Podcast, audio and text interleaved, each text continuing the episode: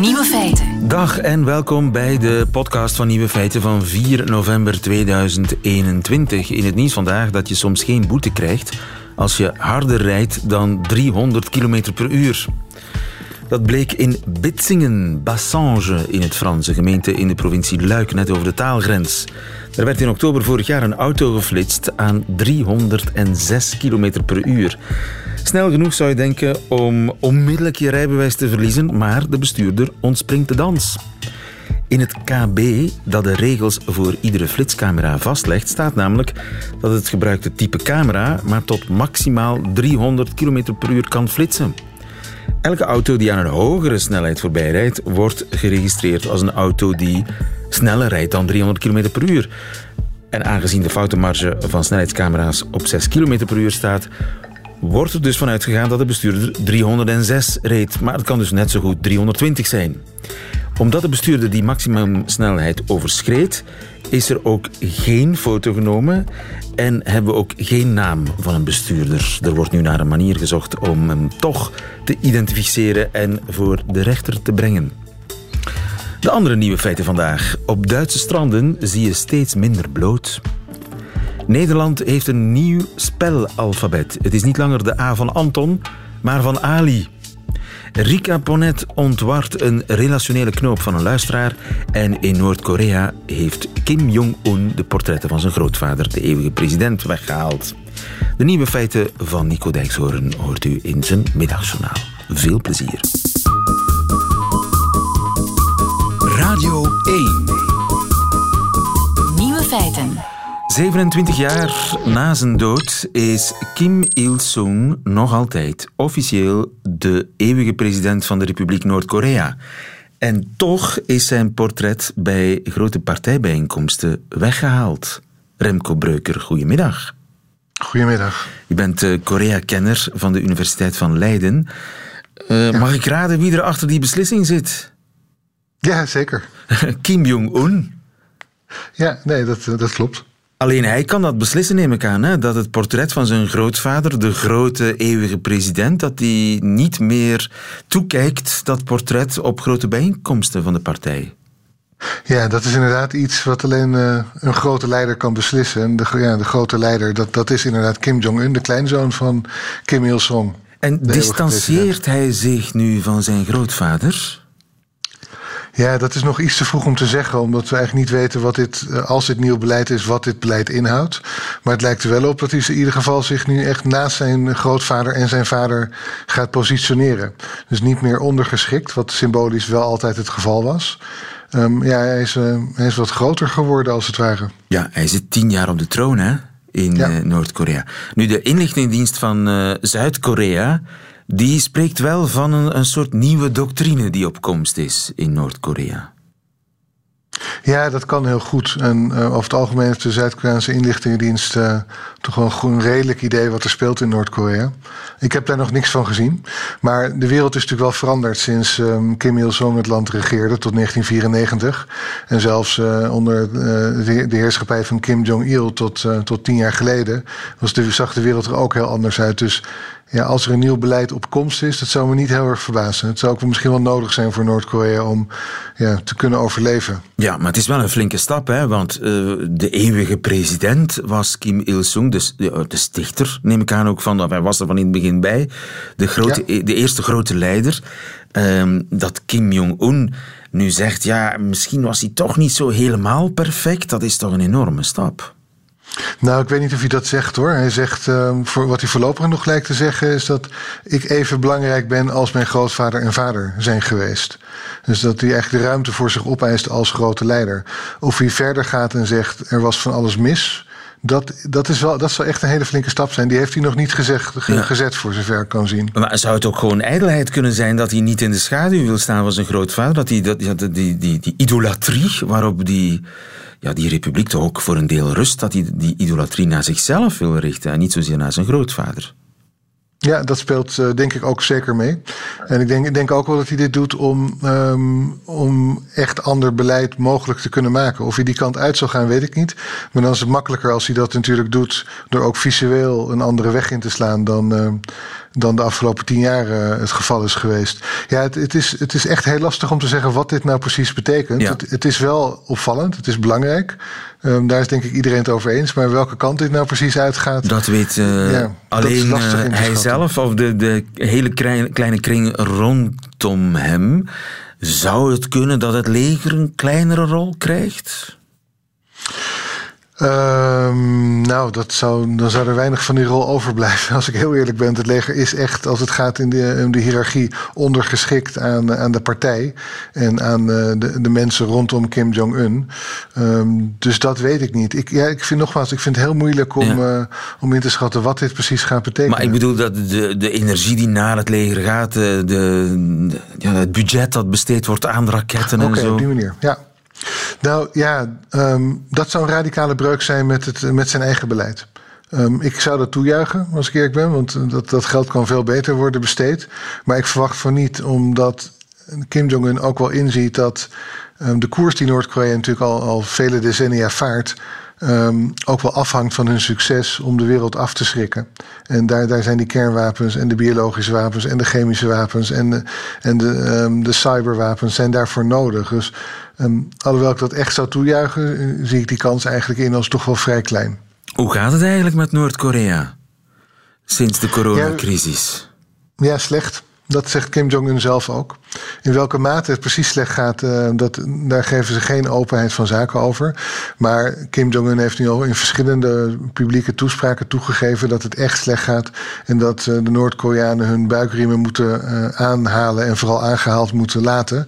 Omdat het ook in de nabije toekomst niet veel beter zal worden. Er staat hun een, nieuwe moeizame mars, zoals dat heet, in het Noord-Koreaans te wachten.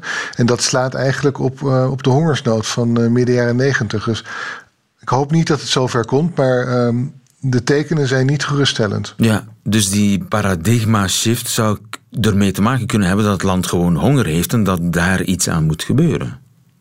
Absoluut. Ja, dat, uh, het zou heel goed kunnen dat, dat er wellicht economische, een andere economische richting aankomt. Um, ik, ja, dat, ik hoop dat het zoiets is. Dat is dat wel wat het land nodig heeft. Um, maar wat, wat, wat voor. Um, wat voor inhoud het Kim Jong-un-isme, zoals het dan heet, uh, gaat krijgen, dat, ja, dat is vooral, vooralsnog nog even gissen. Maar dat het er is uh, en dat het er komt, dat uh, lijkt redelijk zeker het Kim Jong-un-isme. Een nieuwe doctrine in Noord-Korea. Remco Breuker, hou ons op de hoogte. Dankjewel. Goedemiddag. Ja, graag gedaan. Goedemiddag. Vraag het aan Rika.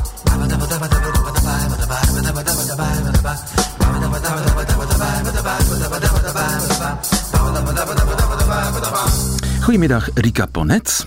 Goedemiddag. Het is weer donderdag en dan heb ik een vraag voor jou. Tenminste, een luisteraar heeft een vraag voor jou. Ja. Annelies, mijn naam mag op de radio, schrijft ze erbij. Dus het is Annelies. Ja.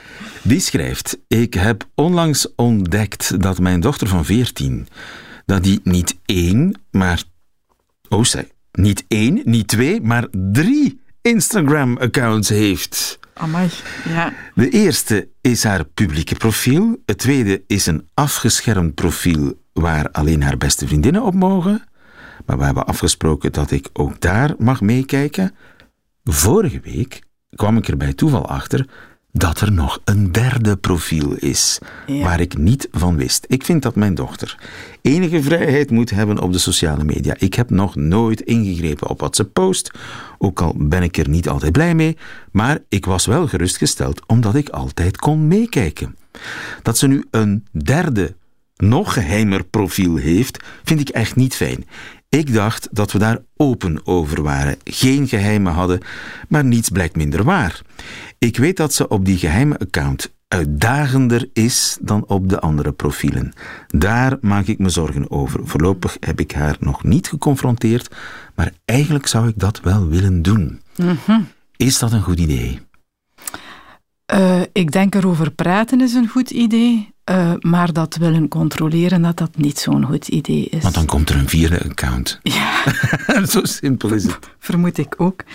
Nu, heel veel ouders maken zich vandaag zorgen, denk ik, over wat hun kinderen op sociale media doen. Het is ook wel wat, als je kijkt naar wat er op Instagram zo passeert of op TikTok. Um, je bedoelt dan um, uitdagendheid, ja, blote dingen? Bloot, ja, bloot gewoon? Heel, veel bloot. Ja, niet bloot bloot, maar uh, toch bloter en uitdagender dan wat er um, op het publieke domein of in het publieke domein gebeurt. En dan is het toch normaal dat je als ouder zegt, ja, ja uh, hier moet ik toch ingrijpen? Zeker, maar dat is eigenlijk niet aan de orde in dit verhaal. Ik denk, uh, waar we het nu over hebben, um, dat gaat over de puberteit. Uh, waarin uh, jongeren of kinderen een aantal grenzen gaan verkennen, ook hun identiteit vormen. En uw identiteit vormen, dat gebeurt toch vanuit confrontatie, vanuit verbinding met peers, en met andere jongeren. En ook een stuk door u af te zetten tegen um, de generatie voor jou, de generatie die jouw ouders zijn. Dat is in elke generatie zo geweest. Um, uh, ook wij hebben dat gedaan. Um, en uh, de seksuele identiteit vormt zich ook uh, op dat moment. En laat dat nu net, net iets zijn um, wat je niet wil delen met je ouders. Dat is ook in geen enkele generatie ooit gebeurd. Ik heb dat niet gedeeld met mijn ouders, jij vermoedelijk ook niet, lieve. Uh, niemand doet dat. Hè. Dat is awkward, dat is cringe, zoals ze nu zeggen. Hè. dat is cringe. Cringe, ja, je doet dat niet. Een moeder um, kijkt niet mee. Nee, uh, een moeder reageert ook niet op een Instagram-account. Want je, je, kan dan inderdaad het op profiel 1 en 2 meekijken, uh, daar actief gaan op reageren. Dat vinden zij eigenlijk not done. Dat oogt ook niet goed naar, uh, naar vrienden, naar vriendinnen toe. Um, Moet je alles dan maar de boel de boel laten? Nee, toch niet. Ik denk dat het heel belangrijk is van wel het gesprek te durven uh, aangaan. En ook een stukje te beseffen, onze angst voor wat jongeren op Instagram doen of op sociale media doen, dat die niet helemaal gegrond is. Het is belangrijk dat we kijken naar wat de gevaren zijn van die systemen. En die zijn er zeker. Of de uitdagingen, zullen we maar zeggen. Maar anderzijds, dat we ook heel goed beseffen wat... Um, ja, de, de essentie is van wat zij daar doen. Heel vaak denken we, die zitten daar maar wat op die smartphone, hun tijd te verdoen. Dat heeft allemaal geen betekenis. Uh, dat is allemaal zo leeg. Allemaal die domme dingen die passeren, dat hoor ik heel vaak van ouders. Maar ze zijn eigenlijk zichzelf aan het vormen. Absoluut. Hun en identiteit. Het gaat vooral ook over wat daar sociaal gebeurt. Zij zitten um, niet constant op die smartphone omwille van dat scherm, maar wel omwille van het feit dat zij via die weg het gevoel hebben ergens bij te horen. Um, bevestiging te krijgen, je hoort erbij. Ik hoorde deze week een, um, een moeder vertellen dat haar zoon uh, ziek was. En hij, uh, hij, had een hersenschudding, was uh, ernstig, mocht niet op schermen. ze betrapt hem die avond op toch op het scherm te zitten en ze maakt zich kwaad. Ja, je weet toch dat dat niet kan. je gaat nog meer hoofdpijn krijgen. Ja, mama, maar als ik dat nu niet doe, dan al mijn vrienden gaan mij niet meer kennen. Hè. Ik hoor er niet meer bij, ik ga niet meer kunnen meepraten met wat er gebeurt. Dus het gaat niet zozeer over ik ben verslaafd aan dat scherm, maar veel meer een soort van fear of missing out, FOMO. Ik ga er niet meer bij horen. Ik, um, uh, ja, ik, ik wil weten waar de rest mee bezig is. Ik wil die erkenning, ik wil die bevestiging dat ik er nog altijd ben. Vroeger ging je naar het clubhuis of ja. naar... En dat is kennelijk niet genoeg meer om uh, af te spreken, fysiek dan, op, op een of ander sportveld. Dat gebeurt nog altijd, uh, maar dit is een hele krachtige geworden. En het heeft effectief wel bij jongeren verlatingsangst aangewakkerd. Dat zie je vandaag, dat, uh, maar ook bij volwassenen zien we dat, dat dat een gevoel is dat heel erg versterkt is omwille van die sociale media. Elke keer als je een berichtje krijgt, word je eraan herinnerd, ik word nog altijd gewaardeerd, ik hoor nog altijd bij de groep, ik ben nog altijd interessant genoeg om gewaardeerd te worden. En dat maakt ook dat je al maar vaker probeert om die waardering te krijgen. Dus Juist. dat is eigenlijk hetgene wat daar gebeurt. Dus zij, die dochter heeft dat nodig en die dochter heeft niet nodig dat die moeder daar naar mee kijkt. kijkt. En zeker niet in dat derde uh, Instagram-account, waar ze waarschijnlijk inderdaad wel een stukje experimenteert met seksualiteit, met... En, ja, en dat kan wel angstaanjagend zijn natuurlijk. Ja.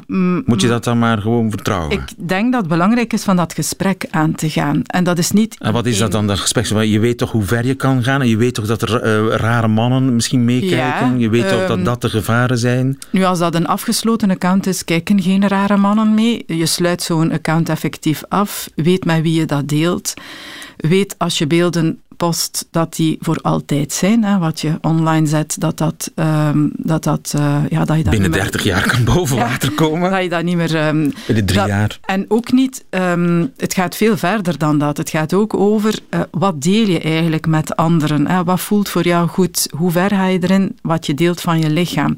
Nu, dat is ook in het publieke domein zo. Hè. Draag je bepaalde kleding? Waarom draag je die kleding? Draag je dat omdat je dat zelf leuk vindt? Draag je dat om erbij te horen? Draag je dat om te pleasen? Om bepaalde soorten van aandacht te krijgen? Dat is niet een eenmalig gesprek. Dat is een gesprek een gespreksonderwerp dat je eigenlijk bijna permanent met je kinderen voert. Ja. En van daaruit toch ook ergens aangeven, jij bent veertien, ik vertrouw je dat je daar geen domme dingen in doet. Hè? Ja. Want hoe meer je dat controlerende op de eerste plaats zet, hoe meer er ja, inderdaad een vierde, een vijfde Instagram-account komt en hoe minder ze ook delen waar ze mee bezig zijn. Ik merk dat ook met mijn eigen kinderen. Uh, hoe ontvankelijker je ervoor bent, hoe vaker ze ook spontaan de dingen delen waar ze mee bezig zijn. En er zal altijd een domein zijn dat ze niet met mij delen, maar waar ik vanuit ga, ja, als ik daarover vaak en voldoende praat, uh, ga ik er vertrouwen proberen in hebben dat ze daar wijs mee omspringen. En ze zullen af en toe een grens overgaan en dingen ervaren die ze niet zo leuk vinden, maar dat hebben wij ook allemaal in onze puberteit meegemaakt, denk ik. Annelies, ik hoop dat je hier iets aan hebt. Heeft u zelf een kwestie die je wil voorleggen aan Rika? Een val voor Rika, als het ware. Mail haar via nieuwefeiten.radio1.be. Tot volgende week.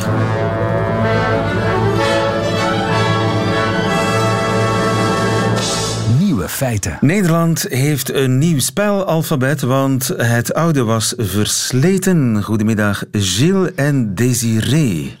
Goedemiddag. Hallo. Gilles Maton en Desiree van den Berg, initiatiefnemers van het nieuwe spelalfabet. Ik weet bijvoorbeeld dat het leger en de luchtvaart en allerlei hulpdiensten een speciaal internationaal alfabet hebben. Dat uit woorden bestaat. Alpha, Bravo, Charlie, Delta, Echo, Foxtrot, dat soort dingen. Ik heb het gecheckt. Er staat ook, bestaat ook bij ons zoiets als een Vlaams spelalfabet voor huistuin- en keukengebruik. Maar dat gebruikt volgens mij niemand. Ik wist niet eens dat het bestond. Maar blijkbaar is er in Nederland dus een alfabet dat door iedereen wordt gebruikt. Ja, er zit wel een bepaalde structuur in ja, die mensen daarvoor aanhouden. En als je het online opzoekt, dan kom je ook elke keer bij dezelfde lijst uit. Ja. Tot voor kort. Ja. De N is die van Nico, de S is die van Simon, de A van Anton. En ja, dat wordt ook alom gebruikt, bijvoorbeeld in lessen Nederlands voor Hoe anderstaligen. heet je? Ik heet Mark. Hoe spel je dat?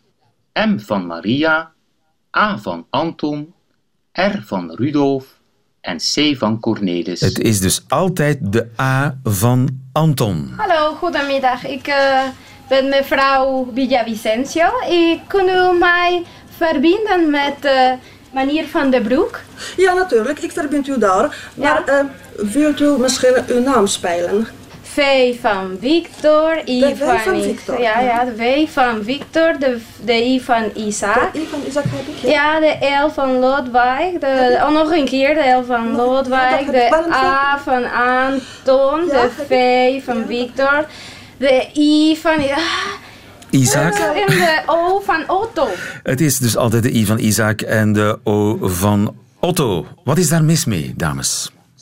Nou, er is op zich niks mis met die namen. Behalve dat het alleen maar eh, ouderwetse witte mannennamen zijn. Maar de hele lijst bestaat alleen maar eh, uit die namen op twee namen na. Zoals we net al hoorden, Maria. Nou, er zit een vrouw in, dat is meteen de, heilige maagd. Ja. De- Het is nog een andere vrouw. en eh, de X voor Xantippe. En, eh, ja, Xantippe dat is ook- en Maria, dat zijn de enige vrouwen Ja. in een voor de rest volledig mannelijk, volledig wit spelalfabet. Ja, en Xantippe heeft ook een mooie betekenis. Ja, Xantippe is de boosaardige vrouw van Socrates. Een soort heks. Ja, dus Oké, dat kan natuurlijk ook niet. De heilige maagd en de heks. Voor de rest zit er niks tussen. En jullie dachten dat kan beter. Ja, Zeker. exact. Eh, wat hebben jullie dan gedaan? Een nieuw alfabet samengesteld? Nou, daar zit een hele methode achter. We hebben samen met een, ehm, met een eh, professor naamkunde een eh, nieuwe lijst samengesteld. Waarbij we rekening hebben gehouden met de meest populaire eh, in Nederland van de afgelopen. meest populaire namen. Ja. ja, Dus jullie hebben Van- het wetenschappelijk aangepakt. ja, we wilden het representatief maken. Dus we dachten, hoe doen we dat? Nou ja, dan, doen, dan moeten we wel echt gaan kijken naar welke namen komen er nou veel voor in Nederland. Dus we zijn echt in een lijst gedoken met Dus de meest... Anton verdwijnt. Dag Anton, wie komt er voor in de plaats? Ali, ja, staat op nummer het is drie van de... voortaan de A van Ali in Nederland. Ja. En F, F. Frederik bijvoorbeeld. ja, dat is eh, nu Fatima. Ja, Dag Frederik, hallo Fatima. ja. zeker. En zo hebben jullie eh, het hele spelalfabet aangepakt. Het zijn toch niet allemaal Ali's en Fatima's, hè? Nee, er zijn ook. eh, Maar Ali is een, eh, is een, eh, een witte vrouwennaam eh, die ook veel voorkomt in Nederland. Dus ik weet niet wat Oh. Ali's en Fatima's precies betekent. Maar goed, we hebben inderdaad gezocht naar eh, niet-westerse namen ook zeker. En eh, we hebben allerlei type namen. Guus zit er ook bij. Guus zit erbij. We hebben Daniel, Patrick. Hidde. Patrick, ja. ja. Kevin, Eva. Kevin, Lorenzo. Kevin, de K van Kevin. Het is, Ja. het is voortaan de K van Kevin. Zeker. ja. En eh, ja, jullie mogen dat wel met z'n tweeën beslissen. De vraag is of Nederland volgt, hè? Zeker, zeker. Nou, ik denk ook dat we vooral iets geven, een alternatief. En dat eh, als mensen de Anton nog willen zeggen, dan moeten ze dat vooral doen. We zouden het natuurlijk wel super leuk vinden als ze voortaan de A van Ali zeggen en de rest van het spelalfabet. Maar eh, ja, we hebben gewoon een alternatief bedacht. Ja, we Eh, wilden gewoon graag het gesprek openbreken als het gaat om de, de, de witmannelijke norm, eh, in dit geval in onze taal. En volgens mij is dat eh, tot op heden aardig gelukt, hè? Ja, dus die witmannelijke norm die kruipt overal in. Waar, en je merkt het niet eens. Je hebt het niet eens door dat de witmannelijke Ja. norm daarin in ingeslopen is. En die vanzelfsprekendheid, dat is natuurlijk de echte macht van die witmannelijke norm. En dat willen jullie omgooien. Be- Zou dat veel betekenen voor, de, voor Fatima eh, om de hoek en voor Omar? Want het is ja de O van Omar. ja. Nou, ik denk vooral dat we eh, door het gesprek te openen en het met een spelalfabet eh, eigenlijk blootleggen, hoop ik dat mensen het ook op andere vlakken meer gaan zien. En eh, zit een, een iets schijnbaar onbenulligs waar, waar natuurlijk veel, wat iets veel, waar iets veel kwalijkers achter zit. En ik denk, eh, ik, ik hoop dat we hiermee een zaadje hebben geplant in de hoofden van mensen en dat ze zich er bewuster van worden. Kijk, de taal is natuurlijk onderdeel van, van onze nationaliteit, eh, ons, ons, ons gevoel, onze nat- nationale identiteit, sorry. Ehm, en ehm, ja, wat, wat heel interessant is, de reacties tot nu toe. Eh, je hoort heel veel mensen die zeggen, het spelalfabet gebruik ik eigenlijk nooit. Maar er is ook echt een groep die zegt, het spelalfabet, dat is onze cultuur. Dat is eh, onderdeel van onze traditie. Dus, Daar blijf je eh, af. ja. Dat is, oh, een nieuwe Zwarte Piet discussie is geboren in Nederland. Nee, toch? Ja, ja, ja, het lijkt er een beetje op. Ja? Het wordt Er aangegrepen. wordt heftig, om, he- emotioneel op gereageerd. ja, absoluut. Ja. Wij willen Simon houden en Anton houden. Ja, we hebben gevoelige snaar geraakt. En ik denk eh, dat, dat, dat daarmee ook wel eh, ja, ons punt is gemaakt. Van, toch? Er valt nog heel veel werk te doen. Ja. En bovendien, ik moet er ook. Het is natuurlijk erg dat dit gebeurt. Of eh, interessant ook dat dit gebeurt. Maar ik moet er ergens ook wel om grinniken. Want als je kijkt naar de nieuwe spelalfabet. dan eh, zie je dat dat gewoon een betere representatie is van de hele samenleving. Beter van nu. En eh, snap ik de argumenten die worden aangedragen? Niet altijd. Ja, maar ik, je moet het wel allemaal uit je hoofd leren weer. Dat is ja, maar natuurlijk het is, wel... ook, het is ook heel leuk. Het Ja. is heel leuk. Ja, En en als dat je wordt nou- vergeten misschien. Maar het is ook gewoon echt heel leuk om hiermee bezig te zijn. En- En als je naar onze website gaat, www.hetnieuwespelalfabet.nl, dan vind je daar allerlei tools die je daarbij helpen. Waardoor het helemaal niet zo makkelijk wordt om een nieuwe spelalfabet uit Niet te zo leren. moeilijk, Jill. Helemaal niet zo moeilijk. wordt Helemaal niet zo om het moeilijk. Nee, Ik- zelfs leuk. Eh, ik doe mijn best. De X van Xavi. Misschien moeten we maar een Vlaamse variant bedenken Zeker. van dat nieuwe spelalfabet. Mag ik je hartelijk Zeker. danken en veel succes wensen, Gilles Maton. Ja. En Desiree van den Berg. Nieuwe feiten. Ik heb een brief gekregen van Babette. Luisteraar, Babette heeft een vraag voor nieuwe feiten. Babette schrijft: Deze zomer trekken mijn vriend en ik naar Kühlungsborn aan de Oostzee in Duitsland. En we willen ook nog andere plaatsen aan de kust verkennen, schrijft Babette. Maar nu hebben mijn vriend en ik een discussie over de noodzaak van een zwembroek. Ik heb er geen enkel probleem mee om naakt op het strand te liggen. Integendeel, niets voelt zo vrij, schrijft Babette, als de zon, de wind en het water overal op je huid voelen. Ook op de plekken waar die zon, wind en water meestal niet komen. Mijn vriend wil absoluut zijn zwemshort meenemen en nu is de vraag, zal hij daar scheef bekeken worden? Is met andere woorden naakt nog altijd de norm in Oost-Duitsland? Goeie vraag, Babette, waarvoor dank. En ik vraag me af, kennen we iemand die daar het antwoord op zou kunnen weten? Wiepke, goedemiddag. Goedemiddag. Wiepke Pitlik van het Duitsland Instituut in Amsterdam. Ja. Goedemiddag. Uh, iedereen bloot in Oost-Duitsland, is dat nog altijd zo? Nee hoor, niet iedereen. uh, dat is wel inderdaad uh, uh, ja, iets wat we kennen van Oost-Duitsland. Dat daar de Freikörperkultuur erg populair is. FKK is dat afgekort. Er zijn ook heel veel FKK-stranden aan de Duitse kust. Maar er zijn ook maar, stranden waar kleren toegestaan zijn. Meestal staan er keurig bordjes met uh, rechtsaf voor het uh, naaktstrand en linksaf voor het uh, textielstrand, heet dat dan, waar je je kleren aan kunt houden. Ja, maar er waren in elk geval heel veel van dat soort FKK-campings en stranden. Ja. Hè? Die ja. waren eigenlijk in de meerderheid bijna. Vele tientallen, ja. ja. Ja, en dat loopt wel terug. Uh, maar toch is er toch echt nog wel een gedeelte, zeker van de Oost-Duitsers, uh, van de oudere generatie, die het ook koesteren als een soort uh, Oost-Duits cultuurgoed. Ah, het was ja, echt dus, iets Oost-Duits. Nou, de wortels gaan al verder terug.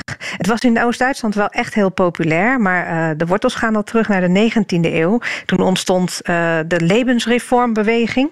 Uh, dat was een beweging die een verlangen had om een beetje terug naar de natuur te keren en zich een beetje af te keren van de moderne maatschappij. Daar hoorde ook natuurlijke voeding bij. Hè. Wij kennen ook de, misschien de reformwinkels. Juist, ja, de reform. En dat komt ja, van Lebensreformbeweging. Ja. Ja, Niet te verwarren met de Levensbornbeweging. Nee, dat was nee, iets nee, van de Duitsers en de nazi's ja. uh, om ja, het Arische ras te veredelen. Ja. En, want dat is een heel ander verhaal. Dit, is echt, dit hoort echt in de, thuis in de, in de romantiek van de 19e eeuw. Ja, klopt. En was dus ook vooral uh, populair in de steden. En in Berlijn, het avantgardistische Berlijn natuurlijk. en zo rond 1900 was het echt een grote beweging aan het worden. Ook toen kwam die echte Freikörperkultur als onderdeel van de levensreformbeweging ook op. En ja. dat had te maken met terug naar de natuur, met een zuivere ja. levensvorm, het afzweren ja, van ongezonde wat... voeding. Precies, en wat Babette ook beschrijft, uh, de, de elementen op je huid voelen. Hè? Dus de wind en het water. En, uh, ja, op, ja, en de mens al naakt in zijn meest natuurlijke staat. Dus daar uh, had dat mee te maken. En ja, toen in de jaren twintig kwamen natuurlijk uh, de nazi's op in Duitsland. En die waren in eerste instantie, uh, vonden dat immoreel. En uh, ja, dat was natuurlijk een beetje van de, de, de lichte zee. Tenminste, nou ja, dat hele Berlijnse uh, ja. onzedige gedrag in de ogen van de nazi's. Dat, dat werd afgewezen. Maar zo langzamerhand hebben ze het toch ook wel voor zichzelf ontdekt. Want het paste natuurlijk ook wel weer bij de uh, nazi-ideeën over een krachtig, arisch, rein lichaam.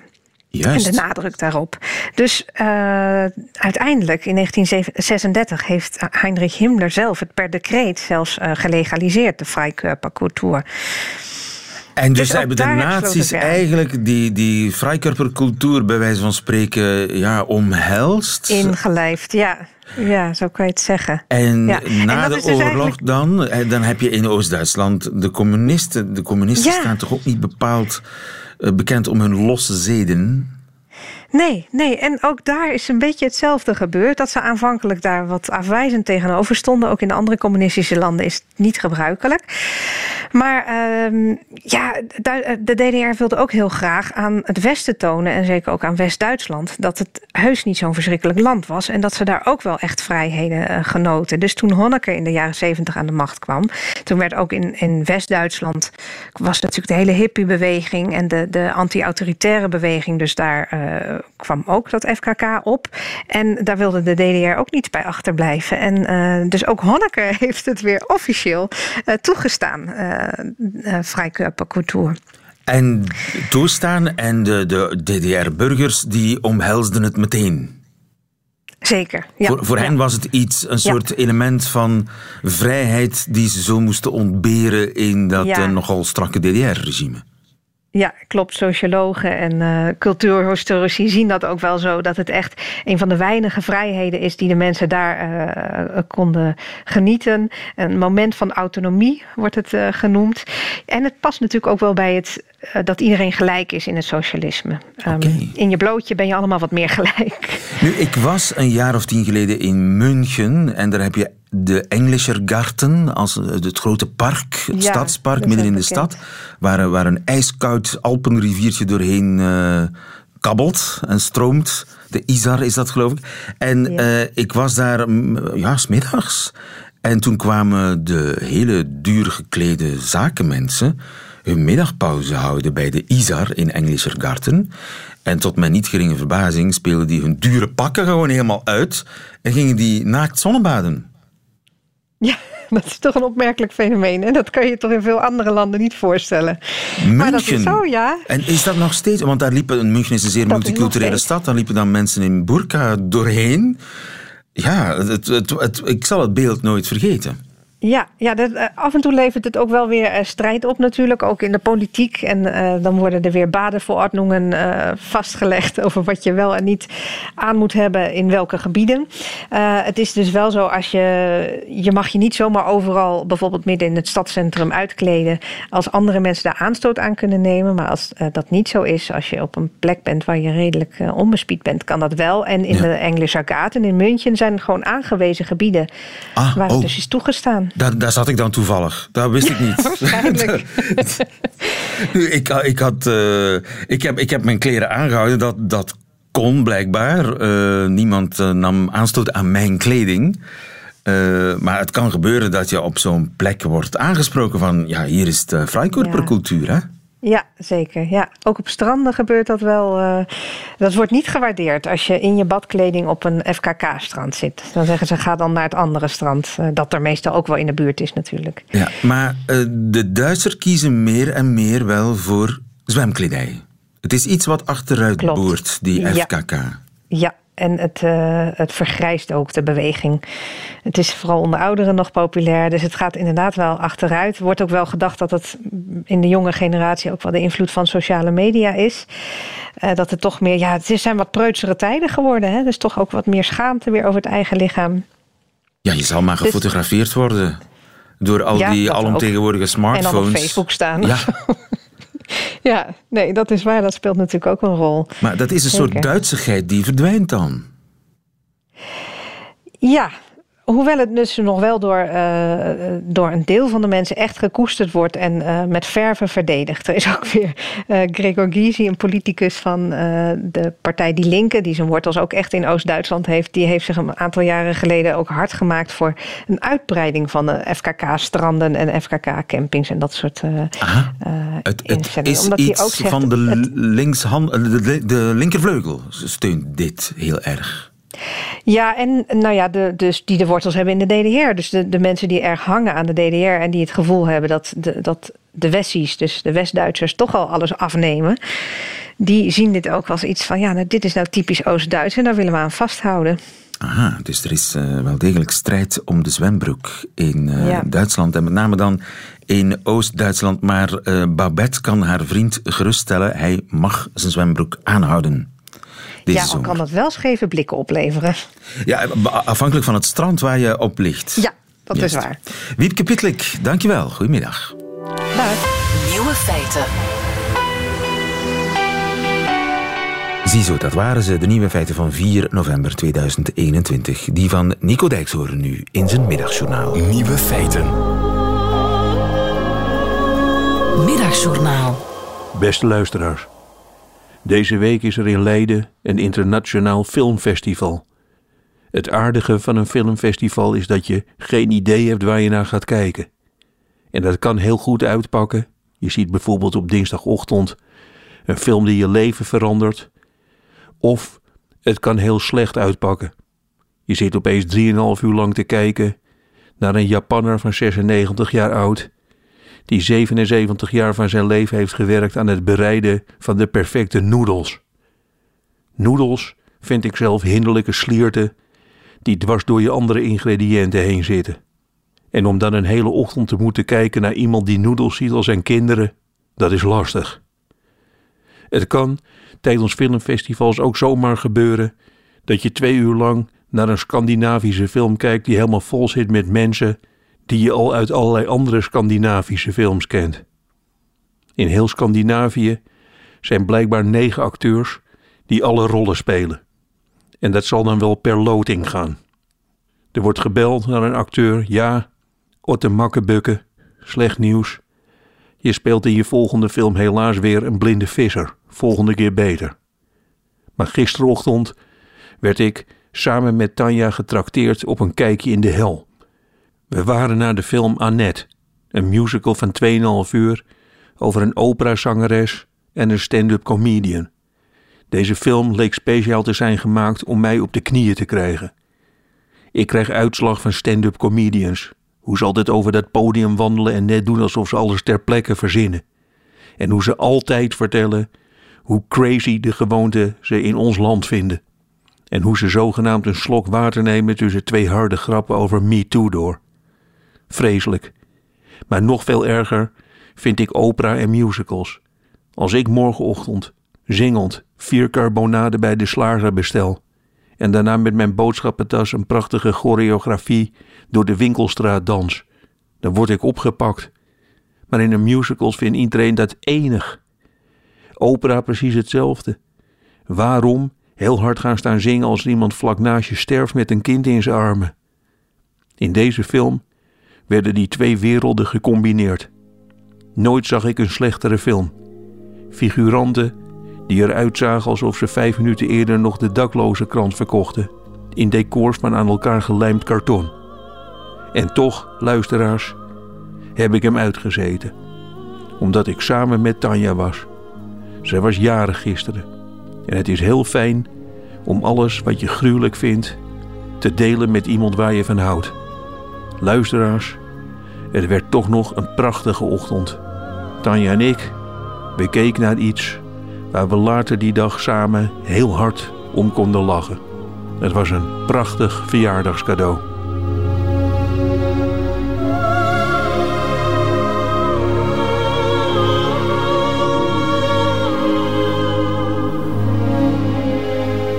Liefde is uh, samen iets gruwelijks doen en daar dan achteraf over kunnen lachen.